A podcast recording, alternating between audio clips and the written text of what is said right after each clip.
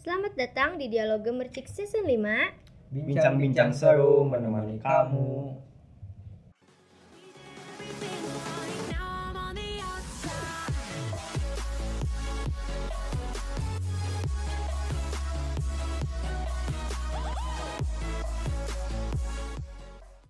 Hai, balik lagi nih di Dialog Gemercik Season 5 Masih bareng aku, Dede Sukmawati Nah, Sobat Gemercik, podcast kali ini spesial banget nih Karena aku ditemani sama dua personil Gay Boys Atau yang sering disebut Gemercik Boys nih. Wah, jarang-jarang banget kan Tim Gay Boys mau diajak podcast bareng. Boleh kenalan dulu nih, di sini ada siapa aja? Halo, perkenalkan nama saya Andra Muhammad Ramdan. Dari anggota divisi editor dan juga jurusan pendidikan bahasa Indonesia. Oke, kenalin nama aku Muhammad Sahrul dari anggota divisi kreatif LPM Gemercik dari jurusan Ekonomi Pembangunan. Wah, oke Gimana nih kabarnya? Alhamdulillah kurang sehat Kenapa, kenapa nih kurang sehatnya karena Sakit. mungkin cuaca Oh, efek cuaca yang Iya. agak flu ya? Iya. Oke, kalau Sahrul gimana nih kabarnya? Alhamdulillah teh kalau aku sehat. Alhamdulillah. Kalau teteh sendiri bagaimana? Wah, aku juga alhamdulillah baik nih. Oke, sobat Gemercik, kalau podcastnya udah bareng sama tim boys, pasti kita akan bincang-bincang mengenai salah satu hal yang paling disukai sama laki-laki nih. Apalagi kalau bukan tentang sepak bola. Nah, pasti sobat Gemercik juga udah pada tahu ya, kalau dunia sepak bola di Indonesia sedang tidak baik-baik saja karena tragedi kemarin di Kanjuruhan tepatnya pada hari Sabtu 1 Oktober 2022 nih. Dunia persepak bolaan di Indonesia sedang berduka. Banyak korban jiwa melayang bukan karena bencana alam, pandemi, kecelakaan, apalagi karena perang. Ya, bisa dibilang nyawa melayang secara percuma nih mungkin di sana ya. Dan sebelum ke podcastnya, eh, mungkin eh, saya gitu ya perwakilan dari LPM Gemercik mengucapkan bela sungkawa nih kepada keluarga korban eh, di Kanjuruhan. Oke, nah kenapa sih penyebabnya gitu awal mula terjadinya kerusuhan di Kanjuruhan? Aku eh, mendapatkan sumber dari channel YouTube-nya Narasi pada yang diupload pada tanggal 14 Oktober ya.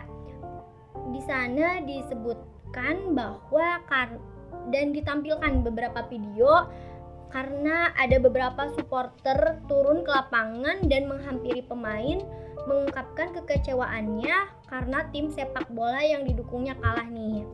Awalnya cuma kayak bentrok fisik biasa antar supporter dan kepolisian. Namun semakin lama mungkin karena eh, kurang kondusif juga ya di sana jadi eh, salah satu eh, brimob di sana menembakkan gas air mata yang diarahkan kepada supporter di tribun. Tapi kan eh, awalnya adanya gas air mata itu untuk menenangkan supporter yang terlibat kontak fisik di lapangan mungkin. Tapi kenapa ya di sana itu eh, brimob malah menembakkan gas air mata ke supporter yang di tribun yang lagi adem ayem. Nah, menurut Syahrul dan Andre gitu, gimana sih eh, pendapat kalian tentang hal tersebut gitu? mungkin dari saya sendiri ya pertama saya mengucapkan bela sungkawa terhadap korban jiwa yang ada di Malang semoga korban diberikan kekuatan dalam menghadapi kejadian tragedi Kanjuruhan disaster ini nah pada tanggal 1 Oktober 2022 yaitu ada pertandingan yang mempertemukan antara Persebaya dan Arema yang berhasil dimenangkan oleh Persebaya dengan skor 3-2. Oke. Nah, pada laga it- itu juga menjadi pertandingan yang mengerikan dan menjadi duka karena terdapat 700 lebih korban jiwa. Banyak yang luka-luka juga dan ada juga yang meninggal hampir 132. Banyak banget berarti ini yang meninggalnya ya. Nah, melihat dari internet dan televisi banyak video yang beredar bahwa awal mula terjadinya tragedi Kanjuruhan karena ada salah seorang supporter yang nekat. Ini turun ke lapangan menghampiri pemain Arema itu sendiri. Sehingga dengan beberapa waktu kemudian dari dari pendukung Arema juga banyak yang mengikuti untuk turun ke lapangan. Lalu ada salah satu pendukung Arema yang melakukan pro- provokasi terhadap salah satu pemain yang langsung sigap diamankan oleh aparat sehingga di lapangan sudah tidak berjalan kondusif. Nah, aparat sendiri membentuk brigade pas yaitu di depan pintu masuk pemain itu pas Oke. bawah tribun VIP. Oke, oke. Tidak lama kemudian masa juga dengan banyaknya masa yang turun ke lapangan dan ini juga tidak terkenali dengan banyaknya merusak fasilitas yang ada Seperti pagar-pagar di Iya. dekat supporter itu pada rusak ya Iya. karena eh, supporter masa maksa buat masuk ke Iya. turun ke lapangan gitu ya. malahan bukan itu saja sih yang menjadi merusak fasilitas bahkan mobil juga pun ada yang sempat dibakar oleh masa Oh berarti eh, kericuhannya itu bukan hanya di dalam eh, stadionnya aja, berarti di luar juga itu ricuh banget berarti ya? iya lucu banget itu. Oh, itu pas waktu sudah banyak yang keluar dari dari penonton Arema itu sendiri. Oh. malahan di di dalam stadion juga ada salah satu mobil aparat gak tahu ambulans yang dibakar oleh masa nah sudah sampai di situ lalu aparat pun sampai turun tangan dan melakukan represif terhadap masa Aremania sehingga pada saat itu Arema dan aparat sendiri bentrok di lapangan. Dan hampir dari semua arah tribun Aremania turun ke lapangan. Nah seperti ini banyak sekali yang di foto-foto ya yang smackdown itu yang Oh iya, banyak viral banget nih Iya. apalagi di TikTok gitu ya, Iya. banyak banget FYP yang eh, dari pihak kepolisian kayak menendang Iya, supporter. menendang. Iya, benar banget. Mungkin Iya. tujuannya itu buat mengusir si supporter dari lapangan, tapi tindakan itu tuh kayak nggak dibenarkan gak sih? iya gak dibenarkan Karena adanya kekerasan di situ Iya. ya.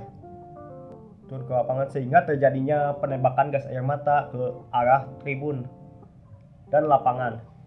Tapi kebanyakan di sini kepada tribun yang tribun itu pas tribun selatan gate 13. Oke. Di situ banyak korban jiwa.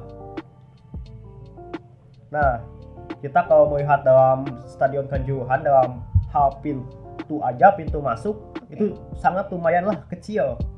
Apalagi tangga-tangganya Iya. itu kecil banget dan orang yang membludak keluar itu kan banyak banget ya. Ratusan orang pengen cepet-cepet keluar karena di dalam udah banyak banget gas air mata. Mereka Iya. itu pengap lah, matanya perih. Jadi pengen cepet-cepet keluar gitu. Tapi disayangkan banget bahwa si pintunya itu katanya tertutup ya. Iya, tertutup. Dan juga itu terjadinya kepanikan di dalam Iya. betul sehingga pada ma- pada mau keluar. Nah, itu juga sangat disayangkan CCTV di dalam stadion Kanjuruhan juga pada mati. Oh, Pintu juga belum bisa dibuka padahal kalau dilihat dari waktu udah kalau dilihat waktu kan pertandingan itu udah selesai, udah iya, melebihi. mm-mm. dalam tragedi ini melihat melihat banyak kas, banyak yang kasihan kepada orang tua yang anaknya pulang hanya tinggal nama Iya betul banget. orang tua maupun dewasa anak kecil dan orang yang hanya diam di tribun. Nah gas air mata malah diarahkan oleh aparat ke tribun. Nah sangat disayangkan sekali dengan adanya tragedi ini padahal dilihat dalam sepak bola Indonesia sangat lagi meningkat dengan bisa lolos ke Piala Asia Senior di tahun depan. Dan tahun depan juga Indonesia menghadapi tuan rumah Piala Dunia U20 semoga kejadian ini tidak terulang kembali. Iya betul itu banget. saja paling. Nah, mungkin dari tragedi ini juga mungkin bisa ya berdampak ke eh, liga selanjutnya gitu. Apalagi nanti katanya Indonesia bakal jadi tuan rumahnya eh, sepak bola ya. Mungkin orang lain bisa kayak melihat bisa dipertimbangkan lagi. Mungkin takutnya Ya. gimana gimana gitu Ya. ya oke mungkin dari Sahrul gimana nih pendapatnya tentang tragedi di Kanjuruhan kemarin? Kalau menurut aku sih eh, tragedi Kanjuruhan, Kanjuruhan kemarin itu sebenarnya dari gas air mata sih yang men- menimbulkan banyak korban tersebut seperti itu. Kan awalnya yang polisi niatnya menggunakan gas air mata untuk menenangkan para supporter tapi akhirnya pada jadi kekurangan oksigen seperti itu karena pengapnya gas air mata ya apabila penonton pengap kan harusnya itu kan mau keluar gitu jadi susah jadi pengap gitu dan gas air mata itu sendiri juga kalau menurut pipa itu sebenarnya tidak diperkenankan untuk dipergunakan di dalam lapangan sepak bola seperti itu deh. Iya betul banget. Dan banyaknya juga gas air mata yang dilontarkan di dalam stadion ya. Nah, eh, tahu gak sih berapa eh, gas air mata yang dilontarkan di dalam stadion waktu tragedi kemarin? Kalau menurut berita yang aku baca sih teh Oke. Kapolri Jenderal Listio Sigit Prabowo menjelaskan ada kurang lebih 11 tembakan gas air mata yang dilepaskan oleh 11 aparat saat tragedi Kanjuruhan terjadi pada Sabtu. Kapolri mengatakan dari total tembakan gas air mata sebanyak 7 tembakan diarahkan ke tribun selatan, ke tribun utara satu tembakan dan lapangan tiga tembakan, kata Kapolri di Kota Malang pada Kamis. Nah, menurut Sigit, tembakan gas air mata tersebut dilakukan dengan bermaksud mencegah penonton dan supporter turun ke lapangan seperti itu teh. Berarti banyak juga ya eh, gas air mata yang ditembakkan oleh aparat kepolisian kepada supporter. Tapi ya mungkin dari situ eh, adalah eh, penyebabnya gitu ya. eh, kere- apa kayak tragedi kemarin gitu.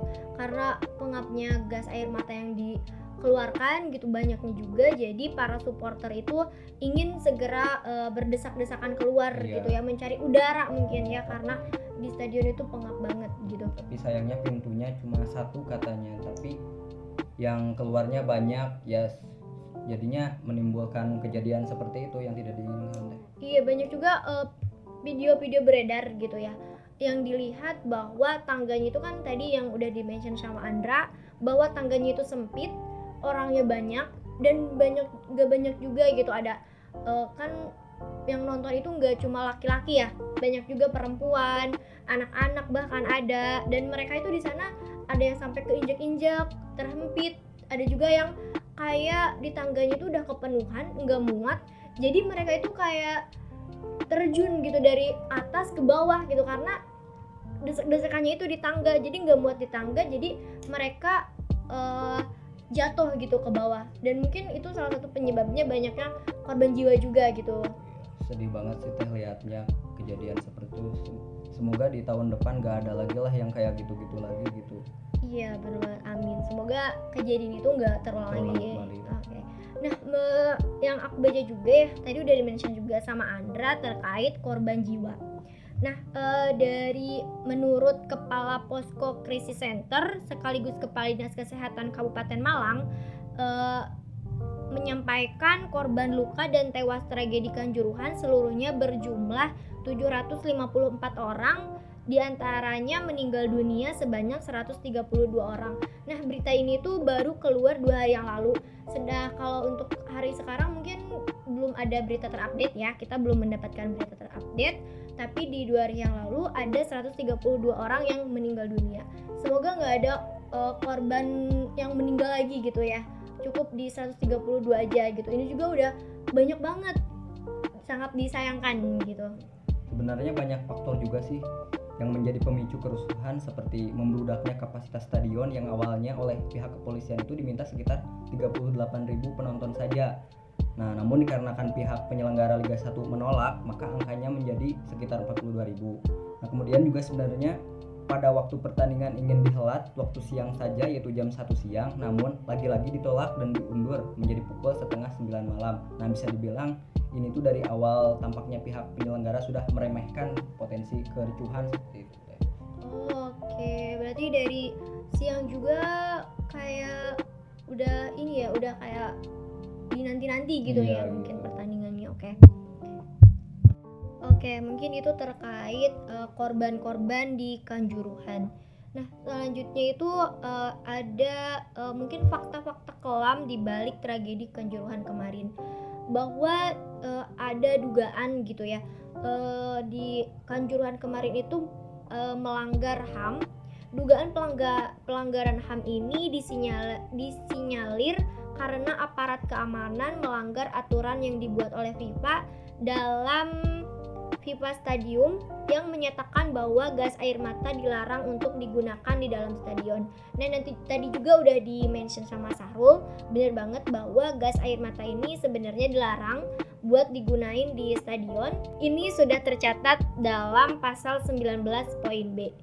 Eh, namun bisa jadi ya, eh, polis kepolisian eh, ke- keamanan kemarin di Kanjuruhan ini melihat dari peraturan Kepala Kepolisian Negara Republik Indonesia nomor 1 tahun 2009 tentang penggunaan kekuatan dalam tindakan kepolisian bahwa dijelaskan dalam pasal 5 ada enam tahapan nih eh, dalam penggunaan kekuatan dalam tindakan kepolisian. Sebenarnya dalam menggunakan gas air mata ini terdapat di tahapan 5. Em, jadi gas air mata itu nggak wajib digunakan. Jadi gas air mata itu boleh digunakan bila tahapan-tahapan sebelumnya itu udah dilakukan. Nah, untuk di Kanjuruhan kemarin itu nggak tahu ya tahapan-tahapan sebelumnya itu udah dilakukan atau belum, tapi gas air mata udah dilontarkan. Mungkin tambahan dari aku, tragedi kedua terbesar kedua sepanjang sejarah sepak bola di dunia sih ini. Karena tragedi yang pertama itu ada di stadion eh, Stadion Nasional di Peru saat laga Peru melawan Argentina pada tahun 1964 silam. Nah, kejadian yang menewaskan 326 orang tersebut terjadi akibat kerusuhan di dalam stadion dan dihalau polisi yang membuat penonton panik berlari di pintu keluar yang ternyata masih tertutup dan membuat banyak yang terinjak-injak. Sama sih kasusnya seperti yang Iya. saat ini di Kanjuruhan teh. Tapi itu korbannya lebih banyak lagi ya daripada di Kanjuruhan. 326. Oke. Nah, yang selanjutnya juga aku lihat di berita nih PSSI hentikan Liga 1 musim ini. Iwan Bule meminta timnas Indonesia U9 eh, U17 sapu bersih tiga laga selanjutnya. Nah, yang aku baca dari berita nih PSSI juga hentikan Liga 1 musim ini teh.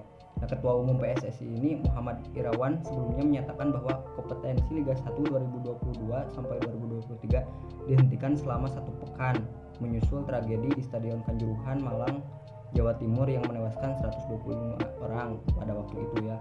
Nah terkini melalui pernyataan di, di laman resmi PSSI, Muhammad Irawan menegaskan bahwa Liga 1 2022-2023 dihentikan sampai waktu yang tidak ditentukan. Oke, berarti bisa dibilang ya bahwa tragedi Kanjuruhan kemarin itu berpengaruh ya terhadap liga-liga selanjutnya gitu. Jadi karena liga ini juga dihentikan, bisa jadi liga 2-3 yang udah disusun rencana tanggalnya mungkin bisa juga diundur karena adanya tragedi ini mungkin ya. Iya, sangat berpengaruh dengan adanya tragedi Kanjuruhan di Liga Indonesia ini menjadi terhenti. Nah, padahal sepak bola sendiri dengan artian yaitu adanya hiburan, kegembiraan, kebersamaan, dan juga arti dalam kehidupan. Nah, di sini juga dalam Liga Indonesia belum adanya keputusan kapan mau dimulai lagi Liga Indonesia. Nah, di sini juga melihat berita yang beredar bahwa sebelum dimulai pertandingan harus adanya persetujuan terlebih dahulu dari pihak Pak Presiden RI yaitu Joko Widodo dan juga persetujuan Presiden FIFA. Dengan begitu Liga Indonesia baru bisa berjalan lagi. Bahkan dengan Liga Indonesia terhenti ranking FIFA ditakutkan turun lagi. Oke, iya bener banget seperti yang tadi udah dibilang berarti eh, tragedi ini sangat berpengaruh ya terhadap liga-liga selanjutnya. Oke, sebelumnya sobat Gamerchick mohon maaf kalau misalkan ada suara-suara dari luar gitu ya. Karena ini udah mau menuju maghrib kita eh, recordnya gitu. Oke, back to topic. Oke, mungkin kilas balik lagi ya eh, ke gas air mata gitu ya. Ada juga eh, karena banyak korban eh, yang terkena gitu gas air mata yang aku lihat di video-video yang beredar gitu bahwa korban yang terkena gas air mata itu kan matanya itu jadi kayak bengkak terus merah gitu ya. Nah, ada menurut Pusat Pencegahan dan Pengendalian Penyakit eh, dampak terkena gas air mata bisa menyebabkan mata perih, kemerahan, terasa panas, pandangan kabur, dan paparan gas ini dalam jangka panjang atau dengan konsentrasi tinggi di ruang tertutup dapat merusak saraf mata sampai menyebabkan kebutaan. Nah, jadi eh, dampak dari gas air mata itu sangat berbahaya ya karena bisa menyebabkan mata menjadi buta gitu. Dan sangat disayangkan sekali gitu banyak korban yang eh, terkena gitu. Semoga mereka tidak sampai mengalami kebutaan. Oke, nah mungkin itu ya seputar tragedi kemarin di Kanjuruhan gitu. Nah, eh, ada berita lagi gitu. Katanya eh, stadion di Kanjuruhan ini akan di akan diruntuhkan gitu dan akan dibangun kembali eh, sesuai ka- sesuai dengan yang ada di FIFA gitu. Nah, menurut eh, Andra sendiri itu gimana ya pendapat kamu gitu? Nah, menurut saya sendiri, Stadion Kanjuruhan yang ada di Malang itu akan dirobohkan. Dengan ini yang terjadinya tragedi Kanjuruhan ini, semoga ya banyaknya fasilitas-fasilitas yang baru, misalkan krum, krum pemain, tribun, lalu tempat parkir, transport, transportasi umum, yang ses- sesuai standar dengan rekomendasi PIPA. Nah, dengan adanya kejadian kelam ini, semoga menjadi pembelajaran untuk ke depannya tidak tidak untuk diulang lagi. Dan saya pun meminta untuk masih usut tuntas tragedi Kanjuruhan ini sampai ke akar-akarnya, sampai ke dalam pihak aparat maupun ke penonton maupun ke PT LIB maupun ke PSSI itu sendiri maupun yang pe- penayangan penayangan penayangan sepak bola itu sendiri sehingga dengan adanya perbaikan dalam sepak bola Indonesia nah bahkan kemungkinan menjadi sepak bola ini menjadi profesional yang dapat mengharumkan di kancah dunia. Nah, target saya juga pun ingin melihat Indonesia masuk ke dalam Piala Dunia pada saat 2045 nanti, pada saat Indonesia ulang tahun yang ke-100. Siap Iya, ya. iya. Walaupun masih lama harus dipersiapkan dari sekarang ya. Ya. Oke mungkin tambahan dari aku ini karena stadion Kanjuruhan yang akan dirobohkan ini sebenarnya demi kebaikan persepak bolaan Indonesia juga kan harus berstandar pipa. Nah untuk ke- keamanan untuk tindakan kriminal stadion yang berstandar pipa itu memperhatikan keamanan untuk tindakan kriminal juga. Nah, berdasarkan jurnal stadion sepak bola tipe A standar pipa oleh Ahmad Rijal Tontowi dan kawan-kawan dari ITN Malang, sistem keamanan terhadap tindak kriminal dalam bangunan ini dilakukan dengan menyediakan fasilitas pengamatan dan pencegahan yang meliputi sistem CCTV, sistem alarm, dan satuan pengamanan atau satpam yang bertugas 24 jam serta kesatuan polisi yang akan mengamankan pada saat jalannya pertandingan. Nah, dalam kasus tragedi Kanjuruhan, sayangnya rekaman CCTV berdurasi 3 jam lebih yang berada di lobi utama dan area parkir stadionnya lenyap. Nah, mungkin itu sih teh dari aku tambahannya. Wah, yang CCTV itu sangat disayangkan banget ya. Oke, nah mungkin buat ke depannya kalau misalkan Stadion Kanjuruhan memang akan dirobohkan dan diganti dengan eh, stadion berstandar FIFA, semoga ke depannya tidak ada lagi kejadian seperti ini karena mungkin kalau sudah berstandar FIFA, apa ya? Karena eh, fasilitas sudah memadai gitu. Jadi semoga tidak ada lagi kejadian-kejadian yang eh, terjadi di Kanjuruhan gitu. Nah, oke. eh, semoga tragedi di Kanjuruhan ini adalah tragedi terakhir di dunia persepak bolaan ya. Semoga ke depannya tidak ada lagi korban-korban jiwa seperti ini gitu. Karena kan tujuannya untuk menonton gitu ya untuk bersenang-senang bukan malah untuk menghilangkan nyawa. Nah mungkin seperti itu. Terima kasih buat Andra sama Syahrul yang sudah mau nih sharing-sharing tentang eh, tragedi di Kanjuruhan. Nah mungkin eh, sekian bincang-bincang kita pada podcast kali ini. Sampai jumpa di episode selanjutnya. Tetap jaga kesehatan dan jum- dan jangan lupa follow Dialog Gemercik di Spotify untuk mendengarkan podcast kami. Dan jangan lupa follow all sosial media di Instagram, Twitter, dan YouTube. Jangan lupa untuk kunjungi web gemercik gemercik.com untuk terus update berita terbaru. Akhir kata, terima kasih dan sampai jumpa.